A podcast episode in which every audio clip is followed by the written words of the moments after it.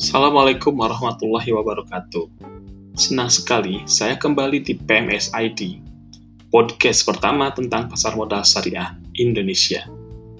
Pada episode kali ini, saya akan jelaskan sedikit informasi tentang saham gorengan di pasar modal syariah Indonesia. Sebelum kita lanjutkan ke episode selanjutnya tentang pasar modal, seperti yang sudah saya janjikan sebelumnya, saya mau kasih info selingan sedikit tentang hal yang belum lama ini lagi hot dibicarakan di pasar modal. Apalagi kalau bukan saham gorengan. Teman-teman pasti pernah ikut heboh juga kan ya. Nah, hal yang sering ditanyakan ke saya adalah apakah di pasar modal syariah ada saham gorengan? Atau apakah saham syariah bisa jadi saham gorengan? Jawabannya sih sebenarnya simpel dan pasti bahwa di pasar modal syariah itu pasti ada saham gorengan. Biasanya mereka nanya lanjut, loh kok bisa? Jadi gini ya teman-teman, kita bicara tentang gorengan dulu deh Siapa sih yang gak suka gorengan? Makanannya enak banget. Apalagi kalau makannya sambil diteman kopi. Pasti mantap banget. Tetapi kita harus tahu dan ingat bahwa kalau terlalu banyak makan gorengan, maka sangat berbahaya buat badan kita. Bahkan bisa jadi penyakit tuh. Atau kalau minyaknya nggak sehat, bakal bahaya juga Apalagi kalau kita sudah punya penyakit bawaan sebelumnya. Bisa berabe itu. Jadi, yang namanya gorengan, meskipun enak, tapi banyak mudaratnya kan. Nah, hal itu sesuai dengan kaidah muamalah. Jika mudaratnya lebih besar dari manfaatnya, lebih baik dihindari. Biasanya pertanyaannya berlanjut. Gimana ceritanya saham syariah bisa jadi saham gorengan? Jawabannya secara jelas ada di fatwa DSN MUI nomor 80. Biar lebih jelas, teman-teman silahkan baca tentang fatwa tersebut. Atau tunggu episode khusus di PMS ID yang akan menjelaskan fatwa nomor 80 tentang mekanisme transaksi saham syariah di Bursa Efek. Oke, kita kembali ke saham gorengan. Bahasa resmi dari saham gorengan adalah saham yang pergerakannya atau harganya terbentuk dari perdagangan semu atau transaksi yang tidak sesuai faktanya. Jadi terciptanya saham gorengan lebih banyak disebabkan oleh cara inver, cara investor bertransaksi atau metode transaksi yang dilakukan oleh seorang investor. Bahasa gamblangnya dari saham gorengan itu adalah saham yang merupakan hasil manipulasi transaksi. Artinya, semua saham yang ada di BEI, baik itu saham yang bagus atau tidak, saham yang liquid atau bukan, saham yang mahal atau harganya murah, semuanya bisa digoreng atau dimanipulasi. Tetapi karena biasanya manipulasi itu berhubungan dengan kecukupan dana, maka semakin liquid sebuah saham atau semakin harganya semakin mahal, maka modal untuk menggorengnya atau modal untuk memanipulasi pergerakan harganya itu semakin besar. Makanya, kalau saham-saham yang harganya mahal-mahal itu banyak yang bilang agak susah digoreng karena butuh dananya gede. Tetapi bukan berarti tidak bisa digoreng. Nah, dari sisi syariah sebenarnya sudah jelas. Berdasarkan fatwa DSN MUI nomor 80, apabila investor dengan sengaja menggoreng atau memanipulasi saham maupun pergerakannya maka transaksinya menjadi tidak sesuai syariah. Meskipun sahamnya adalah saham syariah. Jadi, artinya saham gorengan itu selalu ada di pasar modal syariah. tetapi secara syariah itu menyalahi atau tidak sesuai, sehingga harus dihindari oleh investor syariah. Jangan lupa, gorengan itu enak, tapi dampaknya, dampak mudaratnya itu besar. Dalam fatwa DSN MUI nomor 80, secara gamblang disebutkan bahwa metode-metode yang digunakan seorang investor ketika menggoreng atau memanipulasi saham yang tidak sesuai syariah atau sering disebut sebagai ilmu hitam investor itu ada sekitar 14 cara transaksinya. Kira-kira apa saja kelompoknya dari 14 tersebut? Banyak banget. Pertama yang sering disebut adalah eh, apa yang kita bilang sebagai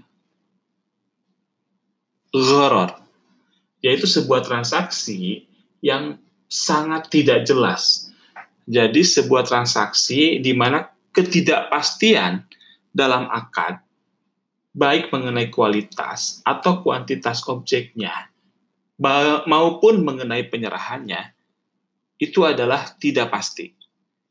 Nah, jika sebuah metode menggunakan cara demikian, itu termasuk sebagai cara yang tidak sesuai syariah. Ada lagi yang disebut dengan tagrir. Tagrir itu adalah upaya untuk mempengaruhi orang lain, baik dengan ucapan maupun tindakan yang mengandung kebohongan, sehingga orang lain itu terdorong untuk melakukan transaksi yang kita inginkan. Ada juga yang disebut dengan buy al-ma'dum, yaitu jual beli yang objeknya itu belum ada, belum kita miliki, atau tidak ada pada saat transaksi. Nah, padahal secara syariah, ketika kita bicara tentang jual beli, maka si penjual harus sudah memiliki dulu barang yang akan dijualnya. Nah, buy al-ma'dum itu sebaliknya. Dia menjual barang yang dia belum punya. Atau di pasar modal sering disebut sebagai short selling Kemudian ada lagi metode yang disebut sebagai buy al makshuf di mana transaksi atau jual beli sahamnya mengandung gharar baik itu dilakukan secara tunai atas barang yang sebenarnya bukan miliknya. Jadi si penjual menjual barang yang sebenarnya bukan miliknya, tapi belum dapat izin dari si pemilik barang aslinya gitu ya. Nah itu namanya nama khususnya adalah buy al makshuf.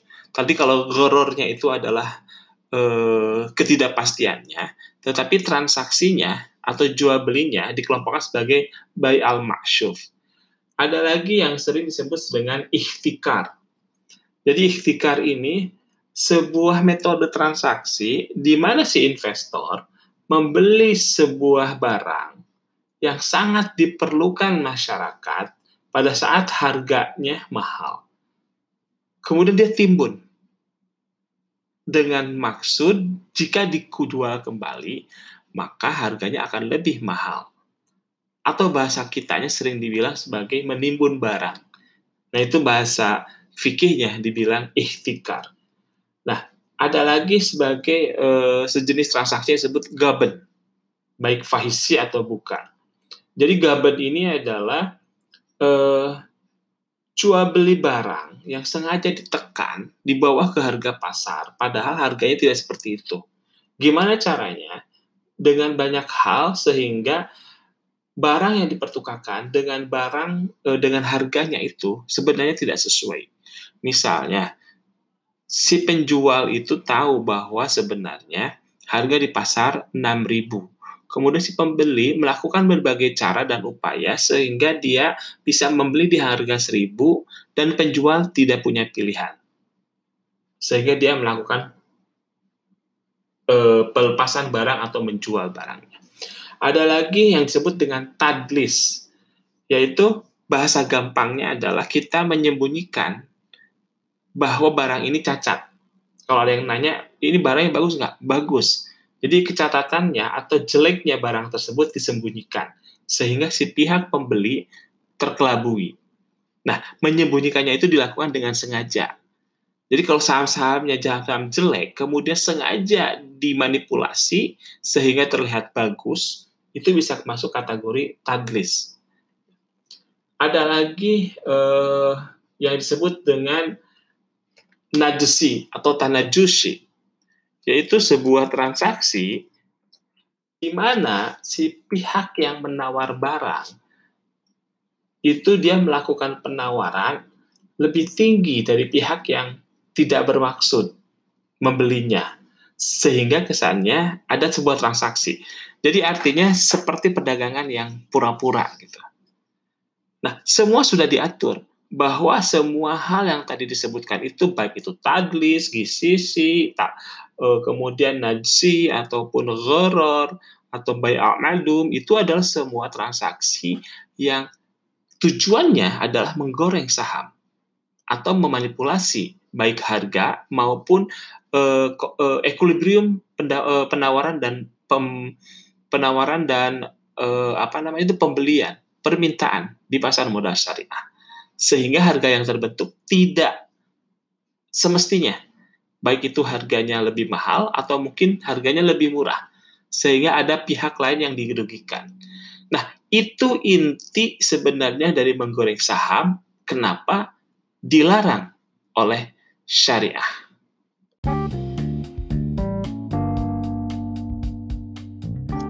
Jadi, gimana teman-teman? Sudah jelas kan kenapa menggoreng atau memanipulasi saham tidak boleh secara syariah? Meskipun sahamnya adalah saham syariah. Pada dasarnya, syariah sangat melindungi para pihak yang terlibat di pasar, sehingga setiap tindakan yang mengakibatkan ada pihak yang teraniaya atau ada pihak yang dirugikan, maka transaksinya tidak sesuai syariah. Menggoreng saham adalah tindakan memanipulasi dan pasti merugikan investor.